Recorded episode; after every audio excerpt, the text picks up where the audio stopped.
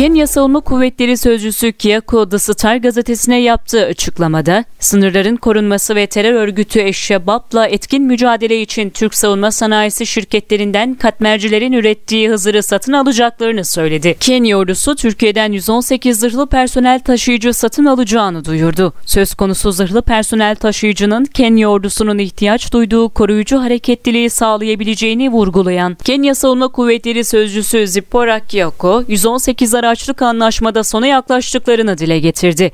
Gazete 118 aracın maliyetinin yaklaşık 7,7 milyar Kenya şilini yani 518 milyon lira olduğunu yazdı. Tanıtımı Kasım 2016'da düzenlenen 3. High Tech Port Bay Müsiat Fuarı'nda Cumhurbaşkanı Recep Tayyip Erdoğan tarafından yapılan ve büyük beğeni toplayan Hızır, Türk savunma sanayisinde sınıfının en yüksek motor gücüne sahip en güçlü taktik tekerlekli zırhlı muharebe aracı olarak dikkati çekiyor. Tamamen Türk mühendisliğinin ürünü olan Hızır, mayın ve el yapımı patlayıcılara karşı yüksek koruma sağlayan, balistik açıdan güçlendirilmiş, yüksek manevra yeteneğine sahip 4x4 konfigürasyonunda ve 400 beygir gücünde. NATO standartlarında geliştirilen ve tüm performans ve patlama testlerinden başarıyla geçen aracın mayına karşı üst düzey koruma sağladığı, yurt dışı bağımsız bir test kuruluşu tarafından da test edilerek onaylandı. Hızır aynı zamanda komuta kontrol aracı, kimyasal, biyolojik, radyolojik, nükleer aracı,